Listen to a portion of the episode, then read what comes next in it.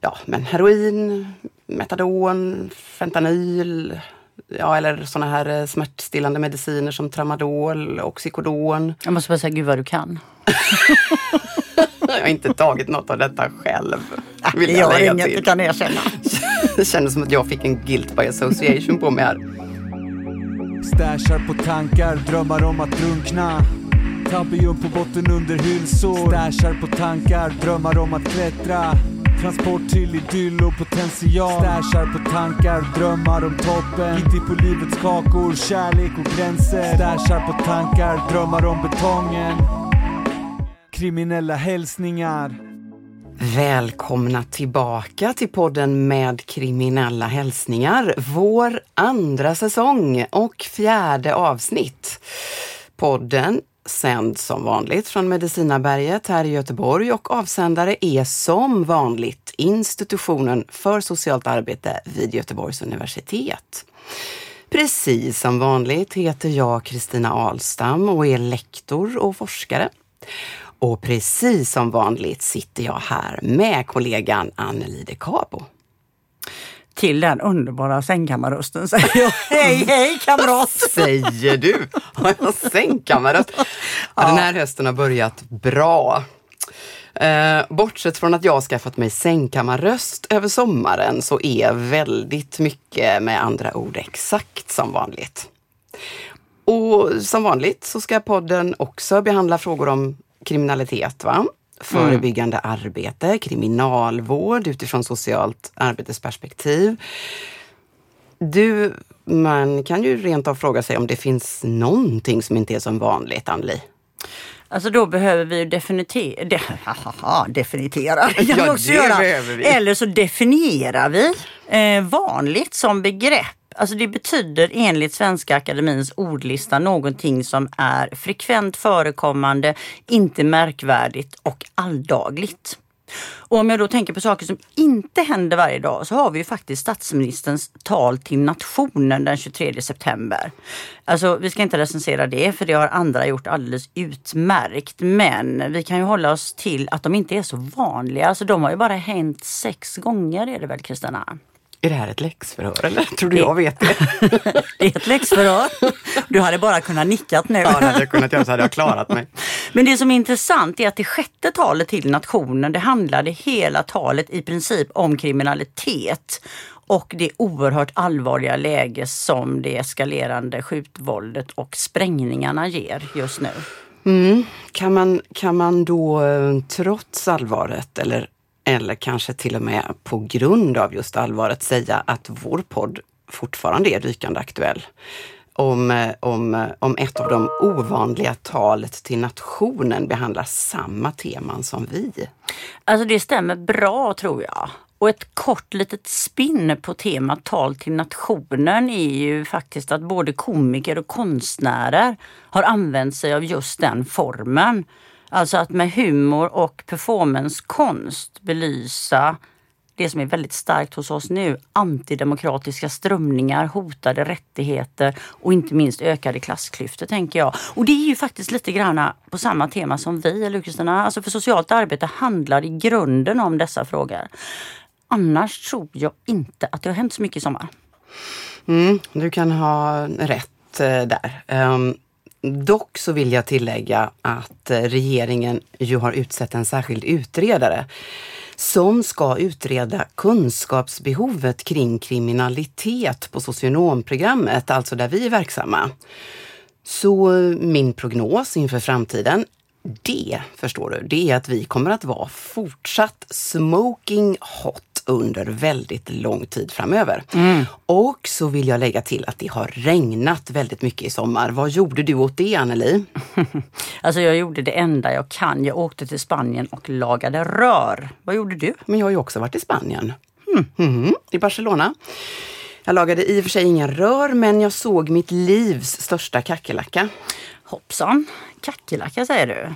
Då kommer jag ju faktiskt osökt att tänka på La Cucaracha.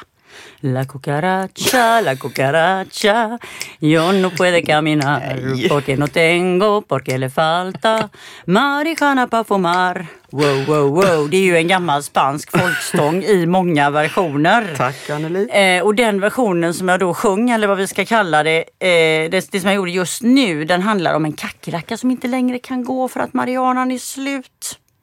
Och när du serverar med den referensen så måste jag ju fråga, begick du några brott i Spanien? Alltså köpte du, sålde du eller smugglade du någon narkotika? Handen på hjärtat. Nu, nu byter ju du ämne. Jag sitter ju här och pratar om den regniga sommaren och om solsemester och farliga djur. Men eh, du var ju också i Spanien. Blanda inte bort korten. Köpte du narkotika? Nej, jag gjorde ju inte det. Och då kan man ju faktiskt säga att ingen av oss stack ut från Sverigebilden. Och det är ju bra. För regeringskansliet skriver på sin hemsida att citat Sverige har ett mycket gott rykte i Spanien som en stabil och framgångsrik välfärdsstat och ett modernt och progressivt reformland. Slutcitat. Och nu, du skrattar, alltså det är ju jävligt svårt att säga bara, om detta lite. Ja, det här kan ju vara regeringens önskebild. Eller om det är så att det spanska ryktet om Sverige faktiskt är sådär idealiskt. Alltså vi får låta det vara osagt. Men någonting har ju hänt med bilden av Los Suecos en España, eller hur? Alltså vi häller ju inte bara i oss sangria och blir fulla på grisfesterna numera. Nej, det har du rätt i. SVT rapporterade ju till exempel 5 juli i år att det finns nära 1000 kriminella svenskar på spanska solkusten och att kriminella nätverk har stärkt sin position i Marbella och, och däromkring. Då. Och polisen skrev på sin hemsida i april i år att de hade avslöjat ett kriminellt nätverk som smugglat stora mängder narkotika mellan Spanien och Sverige. Så eh, ja, det handlar om en, eh, en kriminalitet som är kopplad till narkotika, narkotikahantering och, och narkotikahandeln. Mm, det satte du lite grann eh, huvudet på spiken på dagens tema. Bra gjort va? Eh, skitbra gjort. För det här avsnittet ska ju handla om narkotika och, och framförallt narkotikapolitik. Och så ska vi toppa det med en liten måttskydds socialt arbete. Och så har vi som vanligt en mycket eminent gäst med oss för att diskutera olika aspekter av narkotikapolitiken. Men det hemlighåller vi lite till va? Vem Det hemlighåller vi en liten stund till. Eh, innan vi går vidare så ska vi däremot slå ett slag för höstens kommande avsnitt, alltså utöver detta fantastiska avsnitt som ni lyssnar på just nu. För vi har menyn klar för oss denna höst. Avsnitt 5 kommer att behandla något som vi faktiskt inte pratar om så ofta som vi kanske borde. Nämligen kvinnors involvering i allvarlig kriminalitet. Och gäst i det avsnittet är Anna Ekström.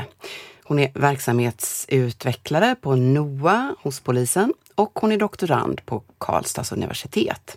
Och så gästas vi av Annika Bergdahl Karlsson, socionom, journalist, författare som har gjort djupintervjuer med kvinnor i fängelse.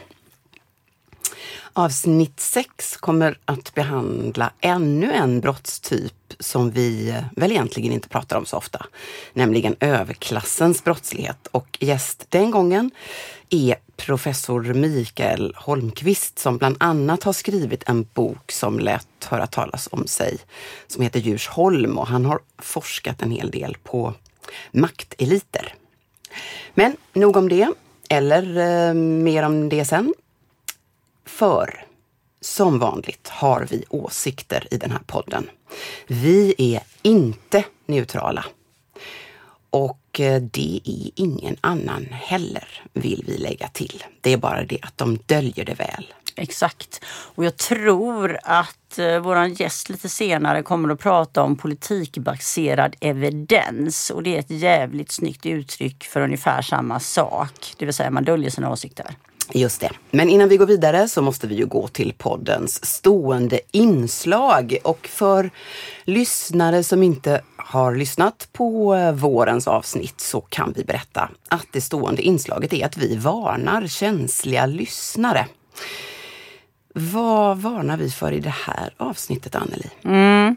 Alltså, vi måste ju ta våran stående varning. Alltså, vi vill varna lyssnare som är känsliga för en stark välfärdsstat. Men idag känner vi oss nödgade med en extra stark varning till lyssnare som, eh, vad ska man säga, har förförts av övertygelsen att polisen och polisiärt arbete är det, är det som ska återupprätta den söndertrasade välfärdsstaten.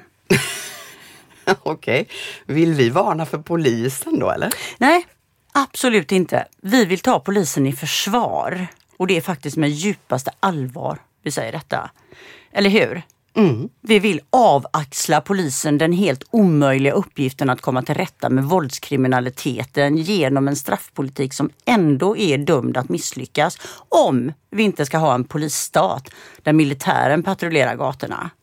Alltså det övergripande problemet som vi står inför idag är inte en polisfråga. Det är en politisk fråga. Det är inte polisen som ska ställas till svars. Det är politikernas klåfingrighet som ska diskuteras. Och jag tänker lite grann så här, alltså det här ansvarsläggandet för välfärdsstatens misslyckande på polisen. Det har ju numera gått så långt att polisen känner sig tvingad att rapportera brott som inte har begåtts. Och jag vet inte, vi får väl vända oss till landets kriminologer och fråga detta måste väl ändå vara något ovanligt. Det vill säga att brottsrapporteringen bygger på citat allt det som inte har inträffat under de senaste 30 dagarna. Slutcitat. För så sa nämligen statsministern efter mötet i nationella säkerhetsrådet häromdagen. Och det var då att det inte hade inträffat 30 gängskjutningar senaste månaden. Och man kan ju inte låta bli att undra hur detta kommer påverka brottsstatistiken i framtiden. Alltså ska vi ha en kolumn för brott som inte har begåtts? Bara för att försvara en misslyckad välfärdspolitik där polisen får ta hela ansvaret och bära hundhuvudet. Du, det, det var en lång varning idag. Ja, ibland är verkligheten en jävligt långdragen historia på repeat tycker jag. Eller? Den blev det i alla fall. ja. ja, precis. Eh, Du, ehm, det var en så lång varning så jag måste nästan kontemplera den en stund. Men jag ska försöka att ta oss vidare till dagens tema. För att Alltså idag, så vi har ju helt enkelt beslutat oss för att inleda hösten på ett särskilt tufft sätt.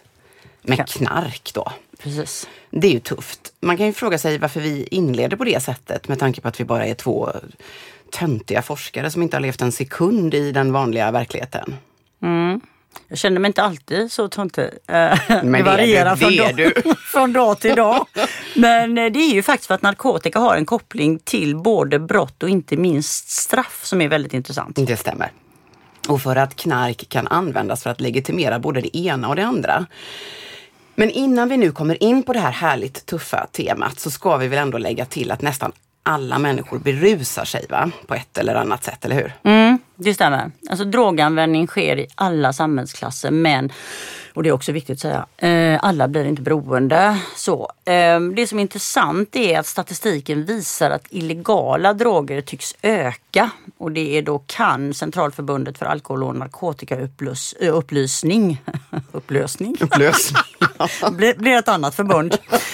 Eh, De skrev i alla fall i en rapport 2019 och vad de framförallt trycker på där det är att den problematiska droganvändningen den ligger just nu på historiskt höga nivåer. Men eh, hur man ser på människor som rusar sig, det ser väldigt olika ut. Och det handlar ju framförallt om att droger har en stark kulturell laddning som kopplas till olika saker. Och historiskt och även idag så har det kopplats till omåttlighet, till ansvarslöshet, till kroppsligt förfall, moraliskt förfall, död och inte minst kriminalitet.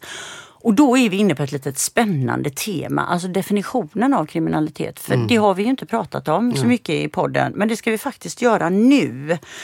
Och då ska vi utgå från den norske kriminologen Nils Kristi som skriver Kriminalitet finns inte som en stabil enhet. Precis därför är kriminalitetsbegreppet sällsynt väl skickat för kontrollsyften. Begreppet är som en svamp.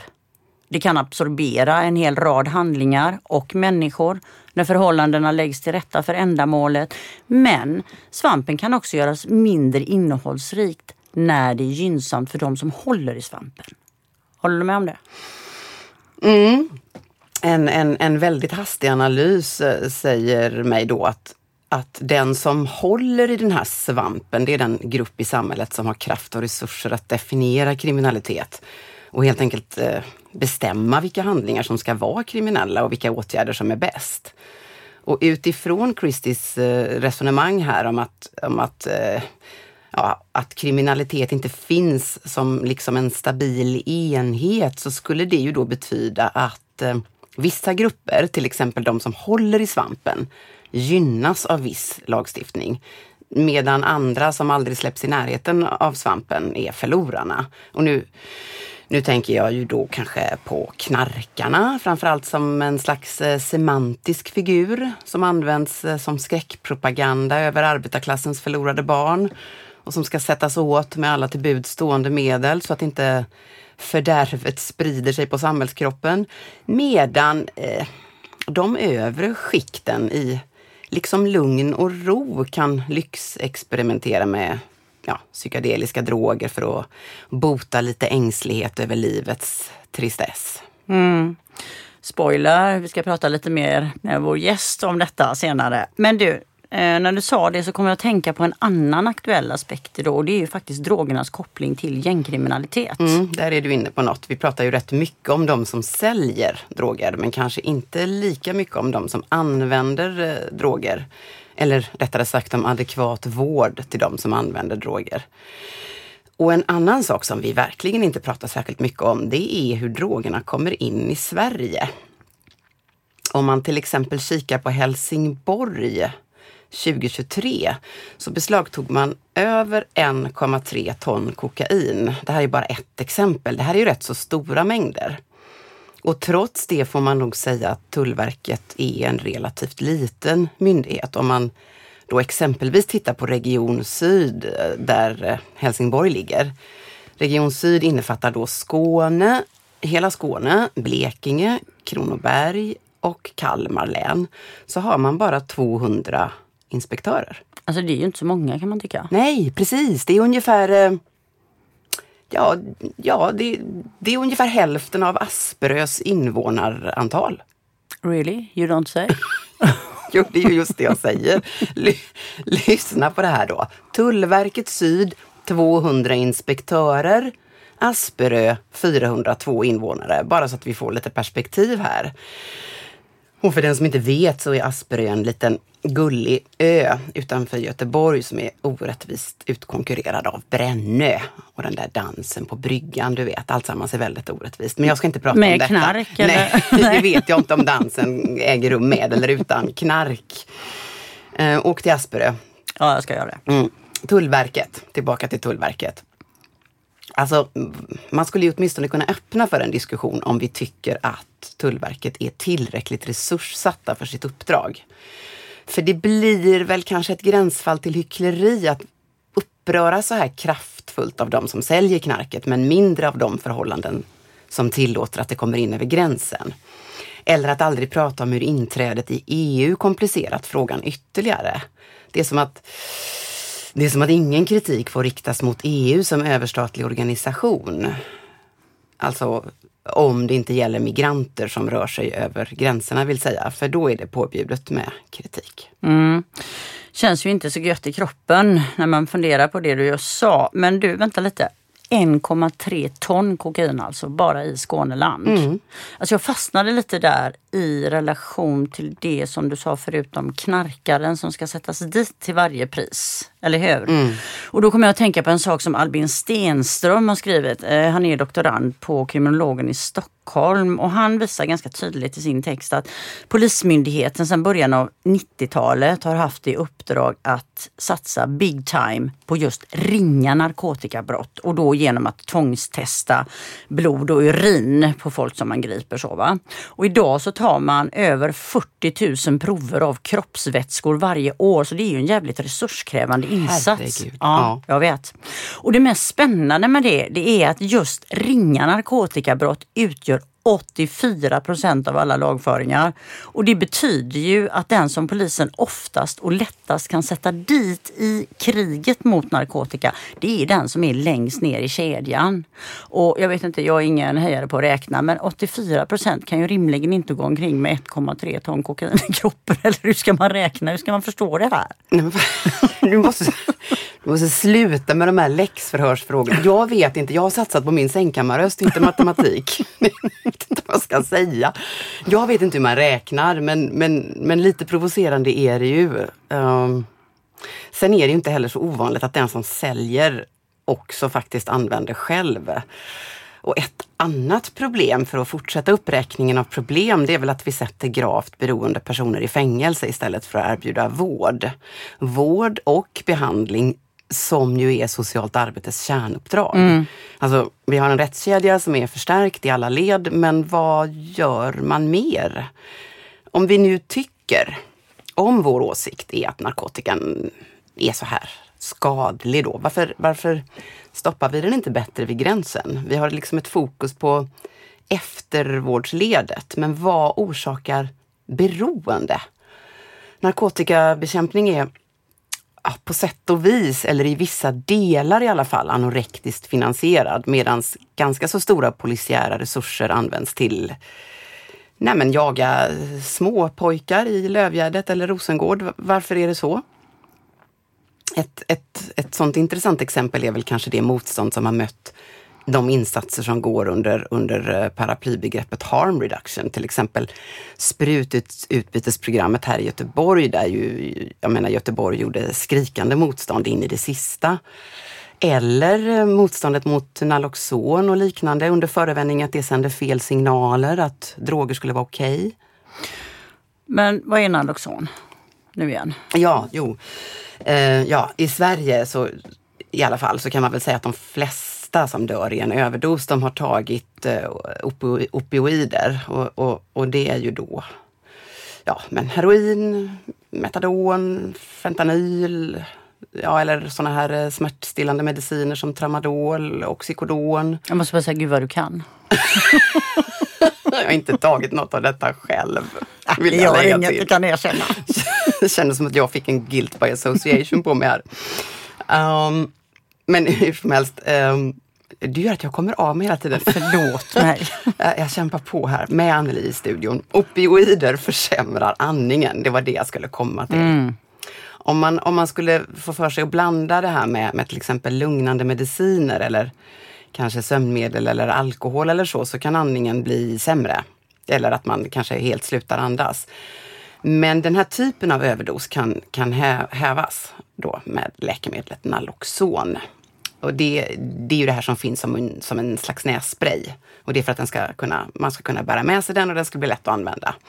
Nu har inte Naloxon tagits emot med öppna armar överallt för att man har resonerat som att den närmast ja, underlättar användningen av narkotika. Ja, nu vill jag inte avbryta dig igen. Nej, men det gjorde men, du. men jag känner väl inte det bara moralism. Alltså jag tänker på alla de som har barn, familjemedlemmar, partners och vänner som riskerar att dö av sitt missbruk. De vet jo, inte om det är jo. sista gången de Nej. säger hej då till dem. Nej. Men det är klart, visst, visst kan man väl fundera över om det här har en stor dos moralism kopplat till sig. Och sen är det ju släkt också med, eller det är åtminstone samma typ av invändningar som brukar riktas mot det där som kallas harm reduction. Kan du inte definiera det också? Jo, det är just vad jag kan. Um, ja men alltså harm reduction, eh, den här typen av nässpray till exempel, mm. eh, är, är en slags harm reduction. Um, Mm, alltså harm reduction är ju att man försöker minimera skadan istället för att satsa på renodlat preventionsarbete. Och skada skulle då kunna vara skada för individen, att man dör. Eller kanske skada för området där det här beteendet äger rum. Till exempel att en grupp eh, missbrukare gör att det är jättejobbigt att vistas på torget och folk blir rädda. Eller så är det för samhället mer i sin helhet. Till exempel som att missbrukare inte brukar betala så mycket skatt och sådär. Det blir det som kallas för produktionsbortfall. Okay. Så det kan vara skada på hälsa då, eller ekonomisk skada eller sån här tillitsskada då, att folk blir stressade och ängsliga. Ehm, ja, då kan man istället få eh, Naloxon eller man skulle kunna få ett sprututbyte eller ett injektionsrum. Eh, och det är det här då som har väckt oro. Okej. Okay. Med det sagt så ska vi väl äntligen välkomna dagens gäst, Kristina? Ja, det ska vi. Det är Magnus Linton som är med på länk från Stockholm, journalist och författare. Eh, han ska få presentera sig själv. Vad har du gjort för ont i livet för att hamna i den här podden, Magnus? Och nu tänker jag då på temat narkotikapolitik för att förtydliga. För andra synder finns det andra poddar. Vad har du fokuserat på i din skrivargärning?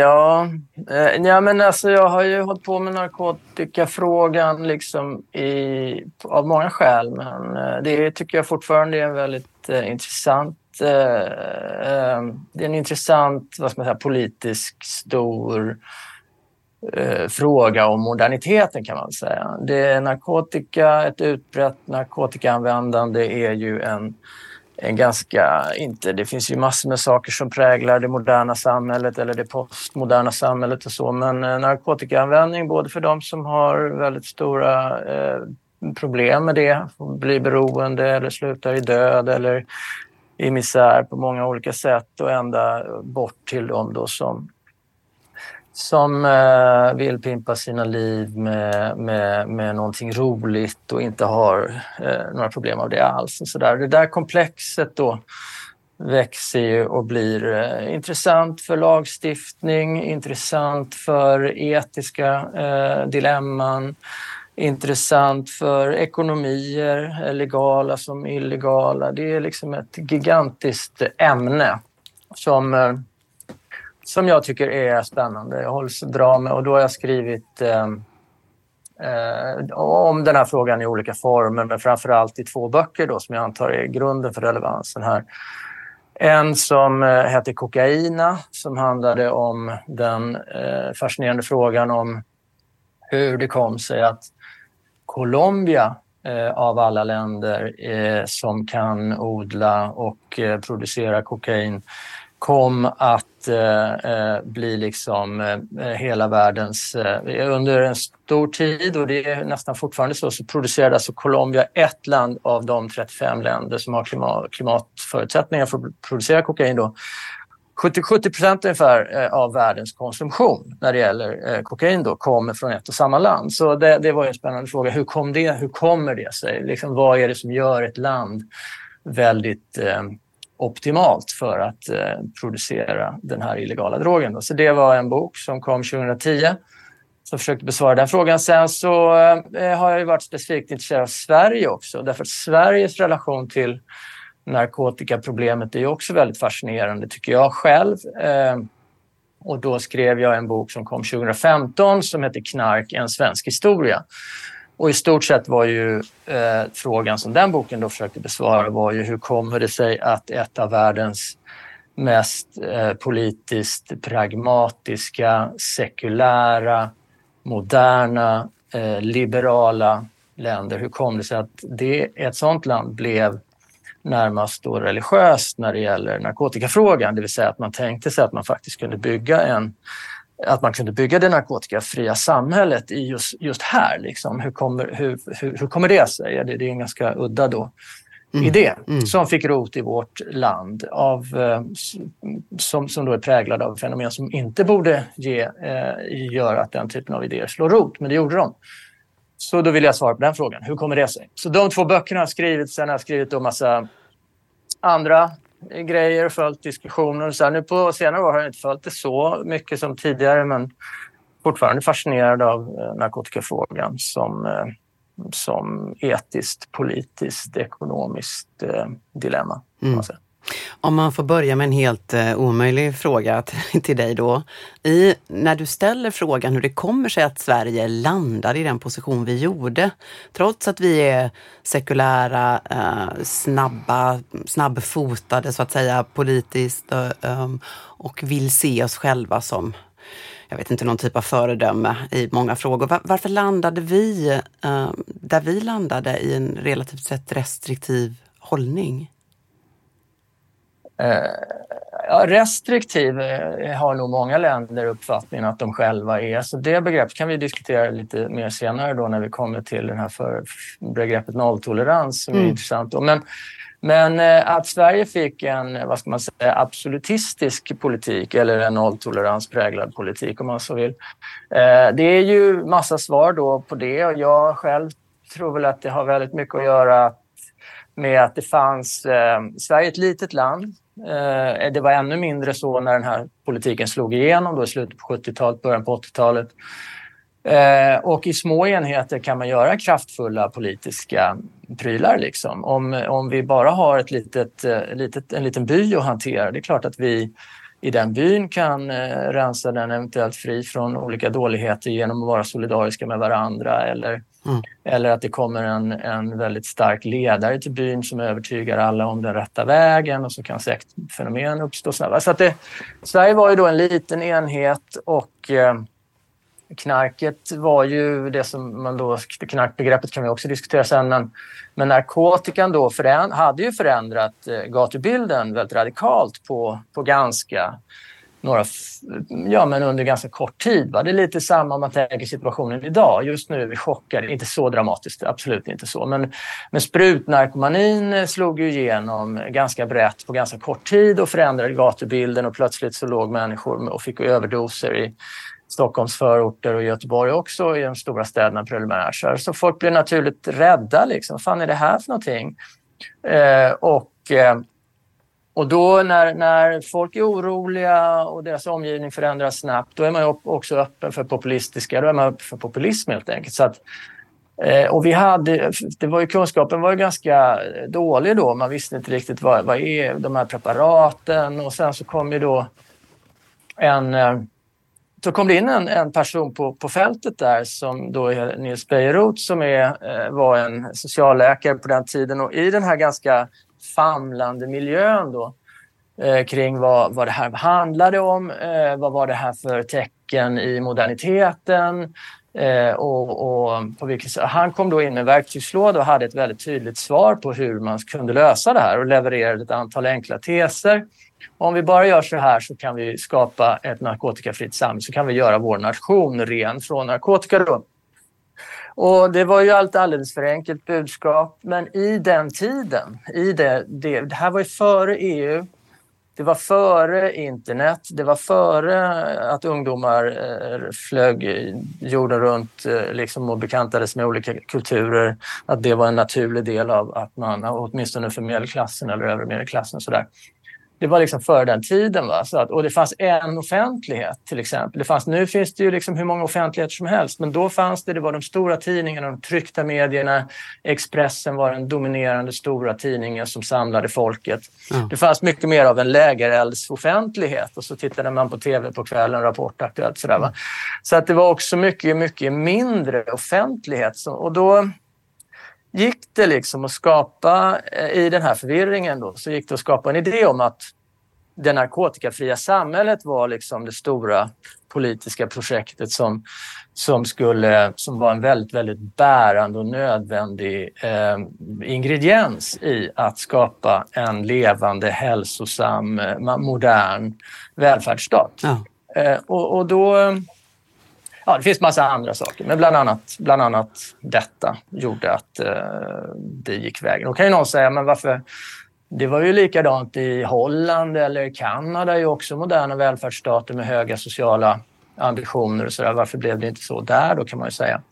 Och då är mitt svar att jo, det har med litenheten att göra då, mycket. Va? Det var vissa specifika Eh, eh, saker som inte låter sig göras i, i större enheter där det bor mer människor. Till exempel sådana saker som att vissa politiker i Sverige hade egna barn som fastnade i narkotikan ja, och det räckte liksom mm. att ett antal dominerade. På. Och sen var det likadant med chefredaktörerna på tidningar.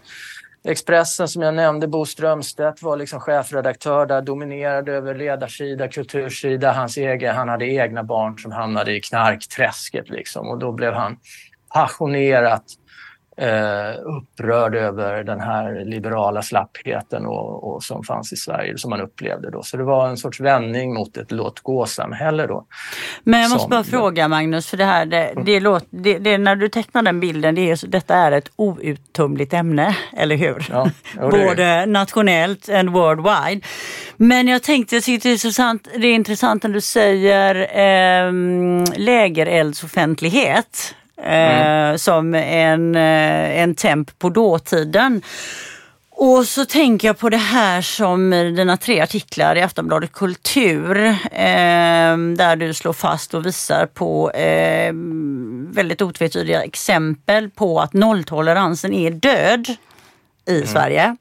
Så vi har, gått, vi, vi har lämnat den här lägereldsoffentligheten, den är inte möjlig. Men Eh, svensk narkotikapolitik eh, handlar fortsatt om en restriktiv narkotikapolitik. Alltså vi, vi, det är delar kvar av den här lägereldsoffentlighet, eller det verkar som vissa politiska organ lever kvar där runt lägerelden. Och då undrar jag, eller vi undrar, har svensk narkotikapolitik drag av schizofreni idag? Ja, men det tycker jag nog man kan säga. Va? Alltså jag skrev då de här artiklarna i Aftonbladet, de kom i början på året. Och man kan väl säga att bakgrunden till dem var att jag tycker då att jag är eh, liksom eh, fristående, jag är inte beroende av några forskningsmedel eller hålla mig liksom vän med olika, utan jag försöker agera fritt eh, utifrån vad man ser framför sig och sådär. Och då kände jag liksom att Nolltoleransen, så som vi känner den, vi ska diskutera, jag måste precisera då för att det här ska bli begripligt. Mm. Den är ju enligt mig då död i följande mening. För här fick jag ju kritik då av vissa forskare som säger att den är inte alls död, den är ju live in kicking här. Titta bara på eh, lagförslagen som, som mm. kommer här och alla vill skärpa mm. straffen. Det är inte mm. alls någon... Och absolut. Så att, eh, och här kommer schizofrenin då in. Att min poäng, vad jag menar är dött, det är ju No, vad är nolltolerans? Jo, vad var nolltoleransen? Jo, det är ju eh, en, ett, en mot, en absoluta motpolen till harm reduction. Det är att mm. en föreställning om att vi måste, vi, måste, vi, vi, vi måste bygga det narkotikafria samhället om vår välfärdsstat ska överleva. Mm. Det narkotikafria samhället är helt centralt i nolltoleransprojektet.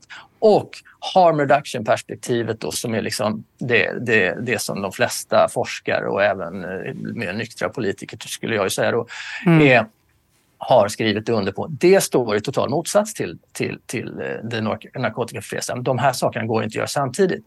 Det perspektivet är dött, skulle jag säga, även inom politiken.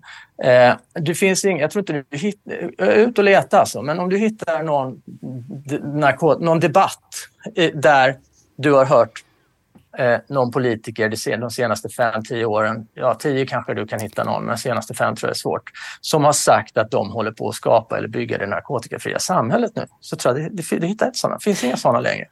Det var ju liksom det som folk sa hela tiden och poliserna sa det också. Vi håller, om, vi ska, om vi ska bygga det narkotikafria samhället så måste vi ha de här resurserna.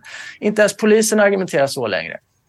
Eh, och det, och det, varför gör de inte Jo, därför att den positionen som intellekt, den är, den är för dum och den, det är ingen som tror på det längre. Det, liksom, det går inte att sälja idén om att vi håller på att bygga det narkotikafria samhället. Ingen står... Du har, och vad mm. gäller, vad gäller eh, den mediala fältet så finns det ju absolut ingen ledarsida som, som står upp för nolltoleransen idag. Det var ju, alla gjorde ju det för 25 år sedan. Det var ju liksom totalt, du hade ingen, harm reduction var liksom av banan. Det var totalt, det var bara drogliberaler som stämplade som knarkliberaler. Mm. Det, hela det skiftet är ju totalt omskur. Det liksom, finns ingen eh, ledarsida idag som inte är för harm reduction och inte emot eh, liksom, det narkotikafria samhället. Alltså. Så det menar jag, det här är, jag hämtar några forskare som säger att jag har fel på de här punkterna så ska jag jättegärna diskutera det med dem. Men jag tror inte de kommer kunna övertyga. Däremot är det ju sant att noll, eh, noll, nolltoleransen är ju levande om man med nolltoleransen menar hårda straff eller, mm. eller liksom eh, i den meningen. Det är klart att det finns eh, nu, inte minst. Nu har vi ju en extrem populistisk våg ja. som, som liksom bara ropar. Jag menar, ni tog upp det här statsministerns tal till nationen. Det var ju mm. liksom en det var ju en otroligt auktoritär mm. Eh, eh, ordning som han skissade där. Att människor ska kunna utvisas ur landet om de, som han uttryckte det, rörde sig i gängmiljö. Mm, och det menar, den formuleringen skulle få vilken eh, rättsstats, eh, vilken rimlig rättsvetare som helst att reagera. Det är klart att det, det öppnar dörrarna för fruktansvärd mm. godtycklighet och så. så att, Eh, menar man om nolltoleransen bara betyder eh, ganska hårda straff och att man eh, pissprovar eh, folk eh, på ett sätt som, är, som andra länder inte gör, ja då är den ju inte död. Då, då. Visst, liksom. Men eh, det är inte det eh, som, för det har vi, nolltoleransen betyder ju inte det. Eh, det är klart att eh, man kan säga då att eh, den som har högst straff eller som pissprovar flest folk mm. är den som mest praktiserar nolltolerans. Men det, så skulle inte jag se det. För mig är nolltoleransen, det, att bygga det mm. narkotikafria mm. samhället är liksom kärnan i det, noll, i det nolltoleransprojekt som präglade Sverige. Mm. Kriminella hälsningar jag tänker på en helt... Du har gjort andra kopplingar också um, i de här tre uh, essäerna som du skrev för Aftonbladet. Uh, så finns det ju flera kopplingar. Mm. Du har också gjort uh, en essä som kretsade lite grann kring det som du kallar för limbisk kapitalism. Droger och limbisk kapitalism. Um, jag tänker om vi kunde prata lite grann kring, kring de resonemang du för där kanske börja i för lyssnaren att definiera vad, vad är, eller vad, vad tänker du kring begreppet limbisk kapitalism? Vad är det och vad är förhållandet till droger? Kopplingen. Ja, det är inte mitt begrepp utan det är David Cartwright då, det är en, en narkotikaforskare mm. som, som, uh, som uh, har definierat och, och, formulerat och skrivit uh, kring det. Men i, grovt sett så kan man säga att pengar pengar, liksom. det vill säga kapital söker sig ju till olika typer av eh, eh välbehagsupplevelser på olika sätt. Du har ju hela, om ni, jag vet inte hur, vad ni lever i för värld, va? men spa spa till... till liksom, vi har hört om spa. Vi har hört talas om spa.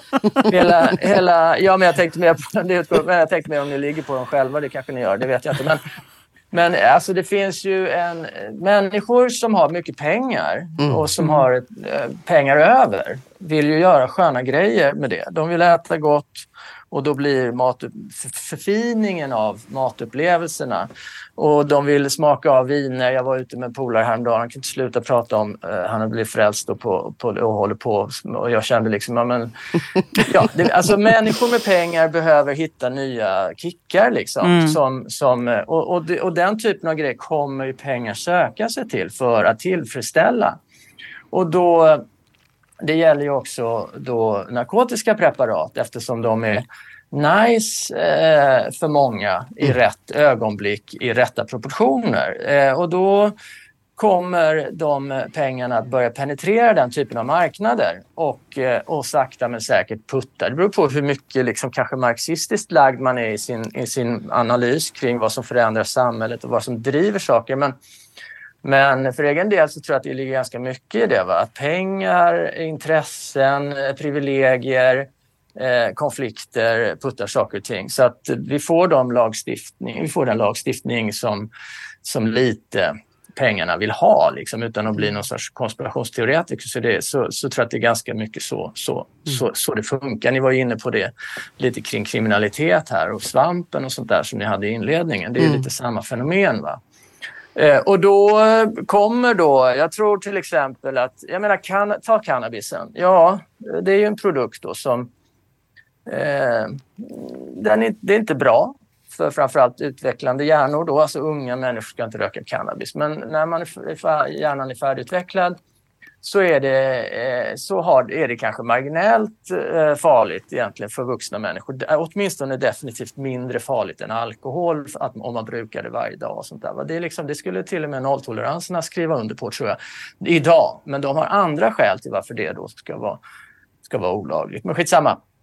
Eh, och då, då kommer eh, pengarna börja penetrera de här marknaderna och eh, lösa upp. Och det är det som har, som har skett i USA. Eh, nu, det, det, blev då eh, det som man kallar för medicinsk marijuana. Mm. Eh, och så blev det. Men i praktiken så kan ju vem som helst idag Eh, röka cannabis i USA, mm. åtminstone i de delstater som... Nu blir det ju 100% legaliserat också. Det, kom, det, det kommer ju skölja över USA där och sen senare under, över världen också, helt övertygad om. Men då såg man ju hur hur medicinsk marijuana då blev, en, eh, blev liksom startfältet och sen så kan vem som helst då hävda att man har lite ont i ryggen och så får man utskrivet eh, gräs. Det kan man ju i stort sett, inte riktigt så funkar det inte i Sverige men rätt snart kommer det göra det och sen så kommer så kommer de här eh, staterna som är, jag menar som Kalifornien till exempel, eller platser där man legaliserar helt och börjar politikerna förr eller senare hoppa på tåget för att de ser också att här finns det skatteintäkter. Mm. Och nu har ju vår grannstat legaliserat här och ja, de har visserligen fått lite ökat, ökat missbruk då, eller bruk, vad man nu väljer att kalla det.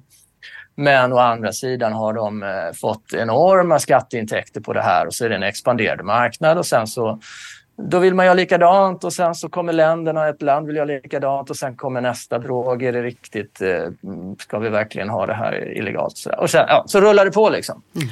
Men... Så att, eh, det, det, är ju det fenomenet då. Och det menar jag liksom att jag, jag glömde säga det. De här artiklarna som jag skrev i Aftonbladet, de handlade ju om att jag, eftersom jag har sett det här liksom maktskiftet i hur vi diskuterar mm. så är det liksom ingen poäng att stå och bärsa Bejerot och, och, och det här gamla nolltoleransen, de är, lever ju inte längre. De är, det finns inte en enda mm. försvarare för Möjligen då kan vi, politikerna där har du ju några, liksom, men det är ju andra saker. Det, när Gunnar Strömmer står och säger, det är ju inte för att han, tro, han tror ju inte på något narkotikafritt samhälle eller tro, han tror nog inte ens på, på de här lagstiftningen som han är tvingad att liksom skapa.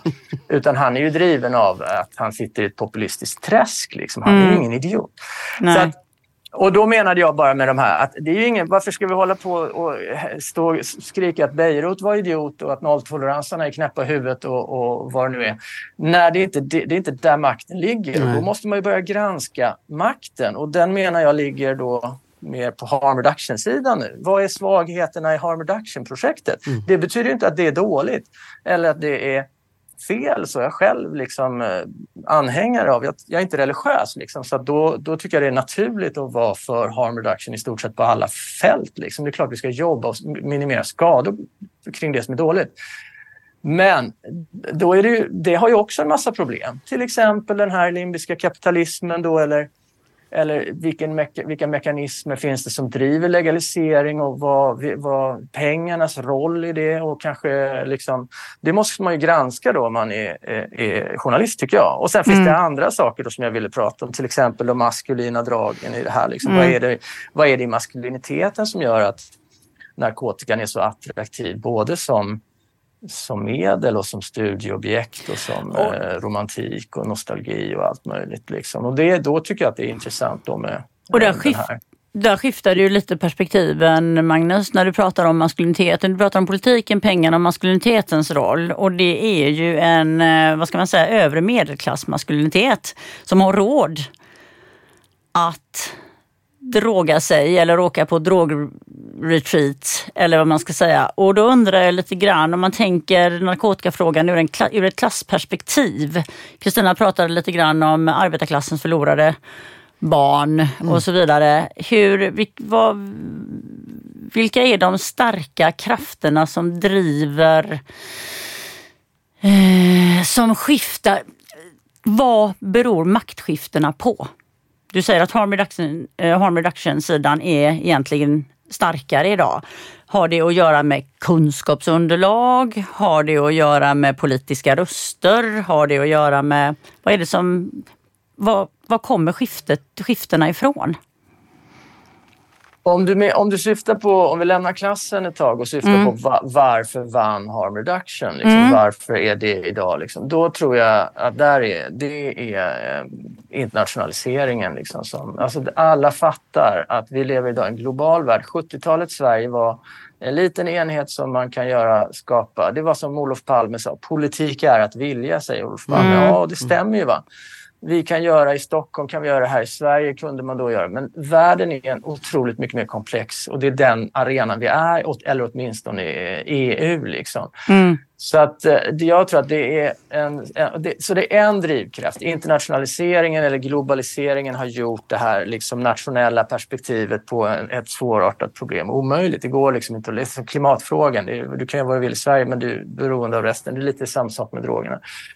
Så det tror jag är en internationaliseringen är sen, men sen finns ju moderniseringen som är bitvis samma sak men som jag tror också eh, är, är otvetydig. Och där ligger jag lite på, där håller jag inte riktigt med då ett antal forskare som, som, som är ute och, och, och ja, vi kan diskutera det senare, men jag menar ju då att jag är ganska övertygad om, nu finns saknas det siffror och sådär, men de allra, jag, den som vill visa att jag har fel på den här punkten kan ju komma, men jag har inte sett några imponerande fakta än så länge. Va? Men, eh, av, om man tänker sig att all, narkot, all den narkotika som, som konsumeras i världen mm. i, igår, mm. okay, om man kunde räkna ut liksom, nivåerna på det. Hur många av dem som tog den har några egentliga problem. Några egentliga, hur många? Nu är det också en, mm. det är naturligtvis en skala här och vad är beroende, vad är mm. missbruk och vad är problematiskt. Det är klart att det liksom är diffust. Va? Det finns. Men ganska, jag är ganska övertygad om att lejonparten av det där gick till eh, människor som egentligen inte har några jätteproblem. Liksom. Det är det återstår att bevisa, vi vet inte riktigt och jag önskar verkligen att forskare började liksom studera det här. Mm. Men min gissning, min hypotes är att eh, det är minst hälften. Det beror på naturligtvis vilken drog vi pratar om. När det gäller kokain är jag övertygad om att det är långt mer än hälften som går till människor som inte har några egentliga beroende, någon egentlig beroendeproblematik utan mm. de hade kunnat låta bli. Sen är det olika med olika. Det gäller i stort sett alla droger, tror jag.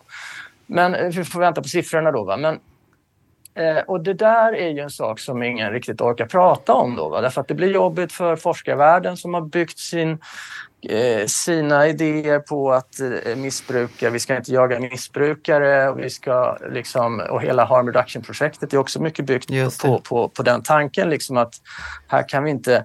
Så att den här stora, och det tror jag är en del av moderniteten och det som är liksom svårt för folk att ta in. Va? Att så ser det ut. Och då kommer naturligtvis klassfrågan in där. Ja, om man tittar på alla som rökte gräs igår mm. Eh, mm. och så tittar man på hur, hur, mycket pengar de disponerar så kommer ju såklart att beroendeproblematiken eller missbruksproblematiken var större, de som har mindre pengar. Medan det, så att allt det där hänger samman i mm. olika klassdimensioner och allt möjligt. Men men den stora, när det gäller moderniteten då, så är det ju väldigt jobbigt för folk att, ans att medge liksom att en ganska stor narkotikakonsumtion är ju också ett tecken på välmående.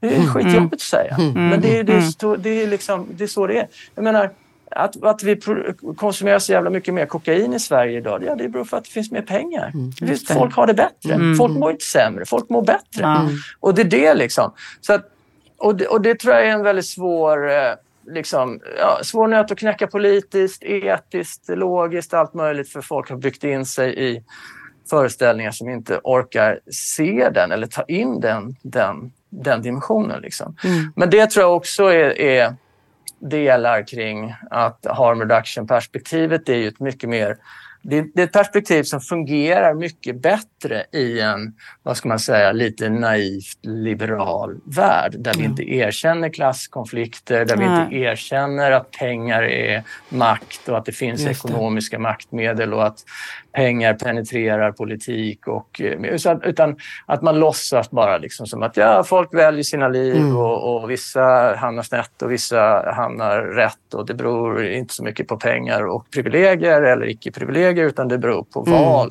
Alltså man har en idealistisk Någon slags idé eh, meritokratisk föreställning om droger. Men, men, men då, min poäng är då att eh, harm reduction-perspektivet kan ju vara så att säga, rätt och rimligt, vilket jag själv tycker då. Mm. Men det kan ju fortfarande vara väldigt blåögt på klassproblematiken. Va? Mm. Att man, man bara, ja, det, alla kan väl röka lite gräs då och då, det kan väl andra, alla hantera. Mm. Och det var ju där som nolltoleransen var stark och mm. Bejerot till slut blev stark. Därför att han hade ju ett liksom mer svenskt, alltså mm. inom citationstecken, ett nationalistiskt perspektiv. Han menar på, ja, det är väl klart att överklassen kan hantera och ta kokain lite då och då, men det bryr inte vi oss om, för vi bryr oss inte om överklassen. Vi bryr oss om de fattiga. Ja. Vad, vad ska ja. vi göra med dem? Det är de som drabbas av att den här liksom, liberala smeten på Östermalm vill sitta och kicka med någon, någon spruta heroin då och då eller ta något annat. Liksom. Och det är, är ju det är ett resonemang som draget till sin spets blir tokigt, helt galet. Men det är mm. inte i grunden tokigt. Och, och, det är liksom... Så där tror jag att man måste då eh, försöka... Mitt, min poäng är bara att man kan inte kasta ut barnet med badvattnet. Liksom. Jag måste bara fråga, för du skriver i din bok från 2015, Knark, så är du inne på att narkotikan eh, ur ett politiskt och andra perspektiv framhålls väldigt mycket som antisvensk. Det här är inte en del av svensk kultur. Och om man kopplar det till dagens diskussion om gängkriminalitet till exempel och narkotika i de miljöerna så tycker jag att det finns samma typ av argument. Detta är någonting som hotar landet utifrån. Det har ingenting att göra med de samhällsstrukturer som finns i Sverige. Eh, och min fråga är då liksom det här som eh, argument, det här antisvenskt, det här är någonting som kommer utifrån. Hur många generationer kan man hålla på och dra det här argumentet? Är du med? Ja, men, jo, alltså osvenskheten är ju ja, forever skulle jag säga. Så länge, för att osvenskhet... Trots att, någonting... vi inte har lägerelds uh, offentligheten längre?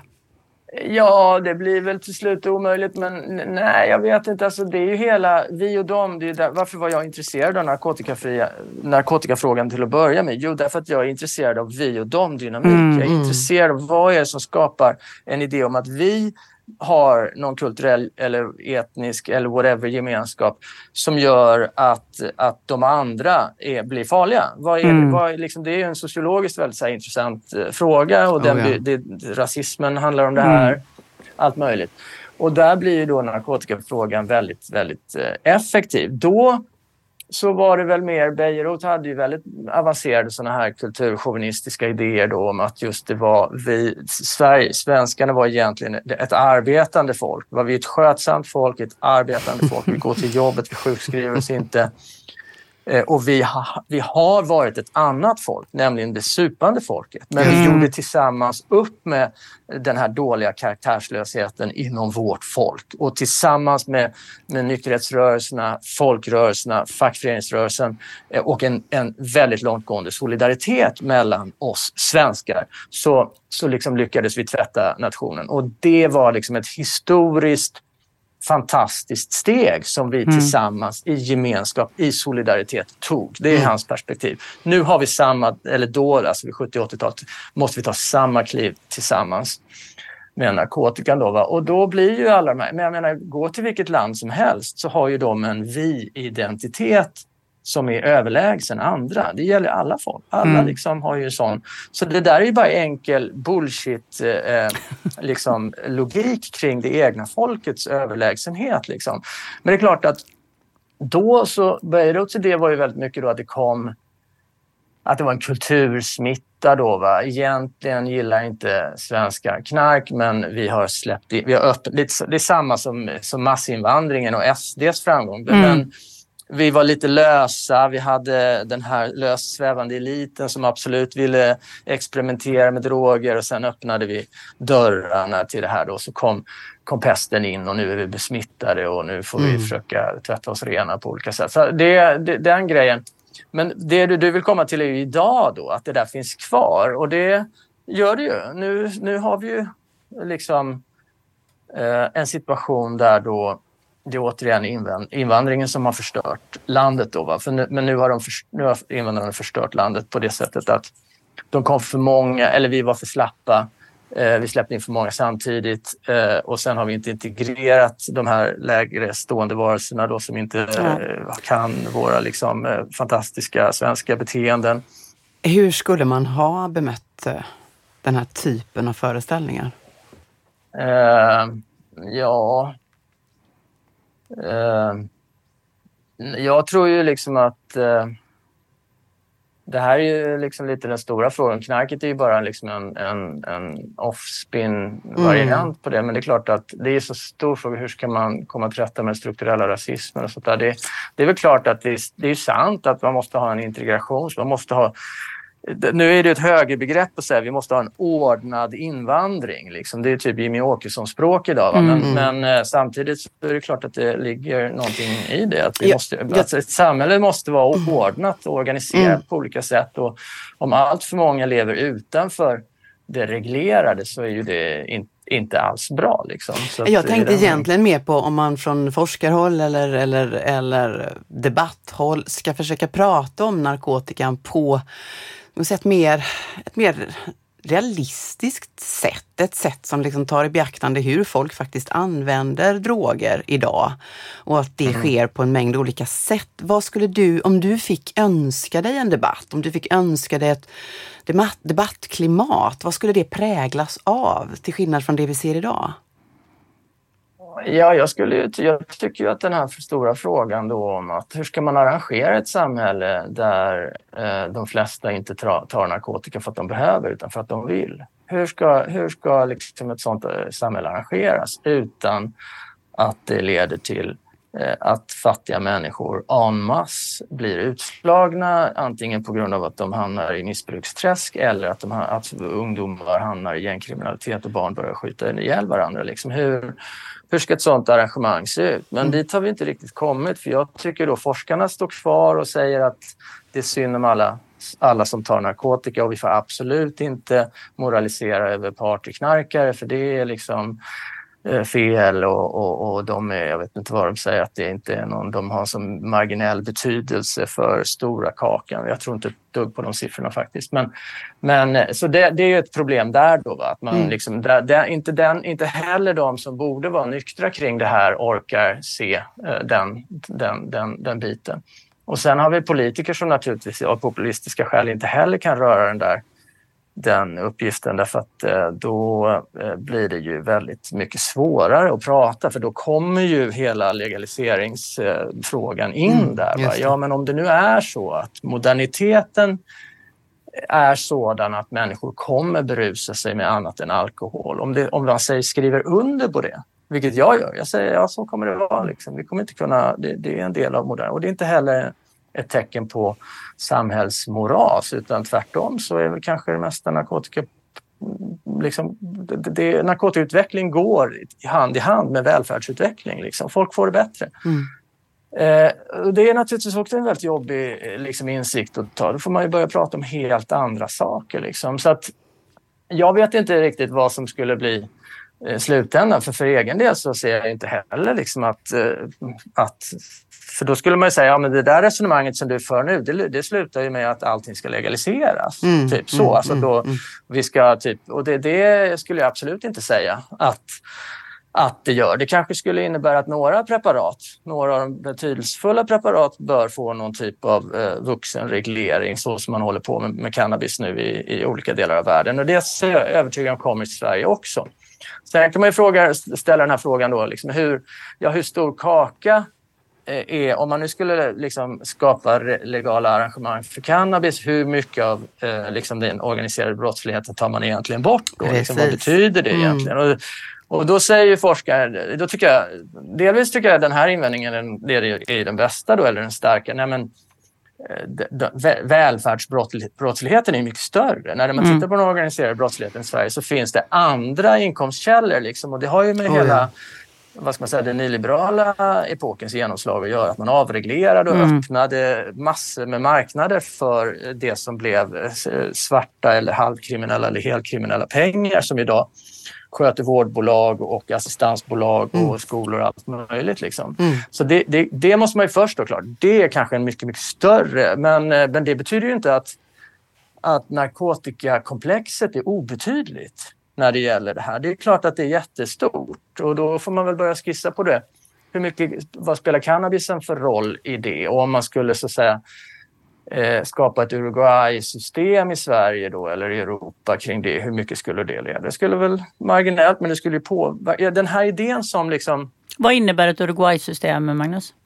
Ja, att man har att, att, att eh, man kan ju legalisera cannabis på olika sätt. Då, mm. Man kan ju ha I Uruguay så har man ju ett system där staten då eh, producerar, alltså ungefär som Systembolaget. Mm. Liksom. Ett annat problem som brukar återkomma både i debatten kring gängkriminalitet och som du också har tagit upp som en aspekt av hur vi ska förstå eh, narkotikadiskurser, det är ju maskulinitet. Du ägnade en mm. av dina essäer åt hur maskulinitet perforerar vår förståelse av narkotika och narkotikans väg till Sverige just nu. Eller narkotikans ställning i Sverige just nu. Har du lust att kommentera lite grann kring eh, ja, de resonemangen? Det är också, ja, ja, absolut. Och det, det, har väl att göra med, jag tycker ju då att den här, det finns ju ändå, tycker man kan väl säga, det finns ju ändå någon typ av hype åtminstone en mediehype kring eh, psykedelika just nu. Men eh, det betyder inte att det är ofarligt för det. Va? Och, eller att det kanske, och, och då, vem är det som är så hungrig på den där typen av upplevelser? Jo, det är män primärt. Det finns ju massor av kvinnor som, som också är, tycker om att både röka gräs och ta kokain och eh, liksom trippa eh, med LSD och sånt där. Men primärt är ju narkotikaförtjusningen än ett manligt fenomen. Du kan ta vilken drog så är det stora siffrorna är det män som är. Och vad är det då i maskuliniteten som gör oss män så kåta på den här liksom avbanan-upplevelsen? Mm. Jo, det är mm. delvis tror jag den här lilla gamla klassiska busfenomenet. Va? Men det är lite busigt. Va? Ja, går in på en toalett, skickar i sig en lina kokain man, det är liksom det här gränsöverskridande liksom på den där ganska barnsliga nivån tror jag är ganska stor. Men sen är det naturligtvis också eh, en romantik. Liksom. Det är kriminalitet. Vilka är det som konsumerar true crime-grejer? Det är säkert massor med kvinnor också. Va? Men det finns en, den här fascinationen för liksom brott och och, och, och, sånt i någon mer romantisk idé. Liksom man kollar på gangsterfilmer och ja, hela den liksom filmiska, eh, mer kultur, populärkulturella fascinationen för, för de här grejerna. Då. Eh, så det är väl en annan sak. Men sen tror jag också att det har att göra med maskuliniteten mer som vad är maskulinitet? Mm, mm. Jo, det är ju att behålla privilegier med, med kontroll. Alltså, att mm. inte tappa kontrollen. Det är det som är, vi män håller på med det. Vi vill, om jag börjar gråta så är det mycket mer eh, dramatisk sak än om ni börjar gråta, för mm. ni är kvinnor. Så det är mm. mer förväntat. Ni ska liksom vara närmare känslor. Om jag liksom ballar ur och blir, eller liksom ber om hjälp eller visar mig svag eller sådär, så kommer det vara en mer, då givet de genusnormer vi lever med, så kommer det vara en... En större och, händelse. Och där, det kommer vara en större ja, händelse. Ja. Ja, exakt. Det är en större mm. händelse. Eh, och det är också dyrare för mig att komma tillbaka efter det. Just det. Liksom. Om jag visat för min arbetsplats att jag är en person som då och då en gång i veckan faller i gråt av olika saker så kommer jag liksom tappa status på ett sätt som inte drabbar... Alltså hela den där biten. Så att, och då blir ju... Eh, men vi klarar ju inte av den här kontrollhysterin. Vi, vi klarar inte av det. Vi, vi, män vill inte leva i det och Kvinnor i viss mån skulle nog önska att män inte höll på med den här kontrollgrejen. Men samtidigt är det många kvinnor som, som, inte, som efterfrågar. Liksom. Det är en svår, svår liksom, grej. Men eh, då menar jag liksom att det här med liksom den här psykedeliska, psykedelika vågen då bland framförallt eh, inte särskilt unga män utan jag tror att det är liksom runt det är 30 till 50-åringarna, männen, gärna föräldrar, som har ordnade, de, där finns det ju då en, ett behov av att liksom kliva av.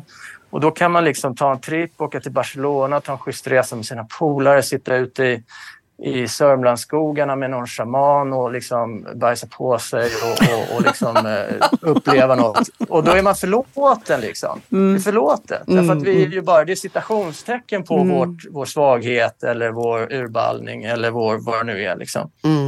Det, vi var ju, bara, vi var ju liksom kul killar som var ute i skogen och mm. trippade. Liksom. Mm.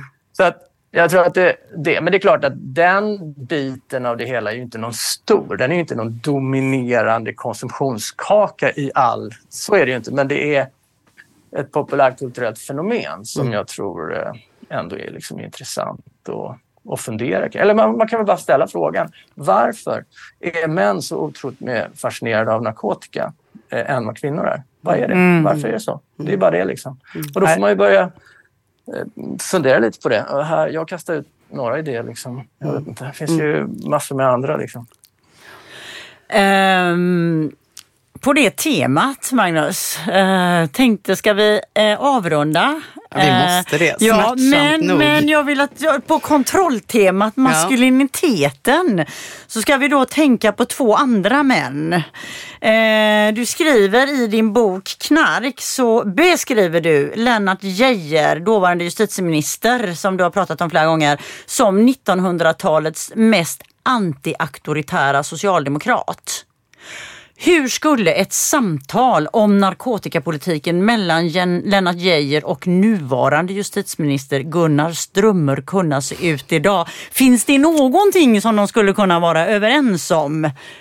Eller inte? Ja, det, det, tro, det, jo, det tror jag faktiskt, men inte, inte inför publik. Alltså. Det tror jag inte. Men i en rum, absolut. Jag tror inte på... Alltså jurister nu vet jag inte om Geijer var jurist i grunden, men det var han väl. Va? Jag vet faktiskt inte riktigt vad han hade för bakgrund. Han hade ju sina problem då, apropå maskulinitet och hela mm.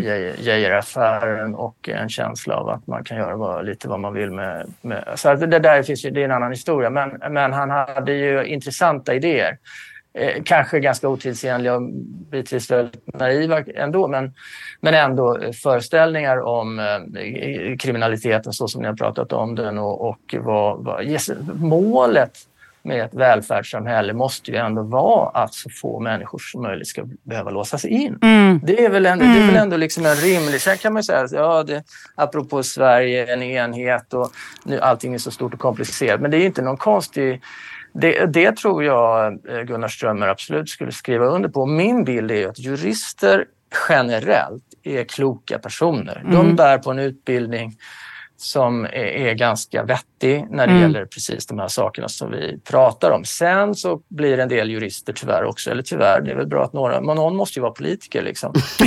och, och, och, men då blir det svårare liksom. För då mm. har vi man ska vinna val var fjärde år. Eh, man måste förhålla sig till, till liksom lite lägre impulser och man kan inte ha den här mer tjusiga, avskalade, abstrakta idén om rättvisa eller vad som driver ett samhälle som, som man inom juridiken då kan ha. Mm. Men jag menar, en fungerande rättsstat är ju ändå eh, grunden för att vi inte ska göra övergrepp på vare sig missbrukare eller partyknarkare eller för den delen unga människor som drivs in i kriminalitet och kanske till och med begår mord och allt det där. Det är liksom vad, det, det är när det faller samman som det blir riktigt, mm. riktigt otäckt. Mm. Och det är det jag menar då att nu i i det här läget som vi är nu så står vi inför vi står ju vid en risk där man kastar ut en massa rättsprinciper med badvattnet och att gängkriminalitet slash narkotikafenomen blir liksom skyltar för att göra detta och det är läskigt. Det är inte det väldigt bra avslutande ja, ord, Anneli? Det är oerhört bra. Mm. Sannolikt de bästa vi har haft hittills. Nej, jag menar allvar. Det är det vi står inför. Det är alltid väldigt eh, smärtsamt och trist att behöva avbryta en gäst och särskilt i det här fallet, mm. Magnus, ett enormt tack ja. till dig som kom hit idag och öppnade flera dörrar till de här outtömliga frågorna, mm. kanske vi ska mm. kalla dem. Mm. Jättetack för att du gästade oss idag. Ja, det var bara roligt att prata av sig lite. Och till lyssnare så vill vi såklart också rikta ett tack för att ni har bänkat er och lyssnat på det här avsnittet. Inte nog med detta avsnitt så har ni alltså ett framför er som kommer att handla om kvinnor och kriminalitet. Och inte nog med det så har vi ju, jag ser att Anneli hon har redan börjat dansa vid mikrofonen, hon är så fruktansvärt upphetsad nu. Vad är, hur är det vi brukar avsluta Anneli? Vi brukar ju avsluta med våran gamla vän. Just han. Precis, vad är han heter? Heter han Baretta? Ja. Baretta. Don't do the crime if you can't do the time. Strålande. Vi ses i nästa avsnitt. Hej då. Hej. Stashar på tankar, drömmar om att drunkna. Tabium på botten under hylsor. Stashar på tankar, drömmar om att klättra. Transport till idyll och potential. Stashar på tankar, drömmar om toppen. Gitti på livets kakor, kärlek och gränser. Stashar på tankar, drömmar om betongen. Kriminella hälsningar. Fler poliser som ska vara poliser eh, Men också tuffare straff.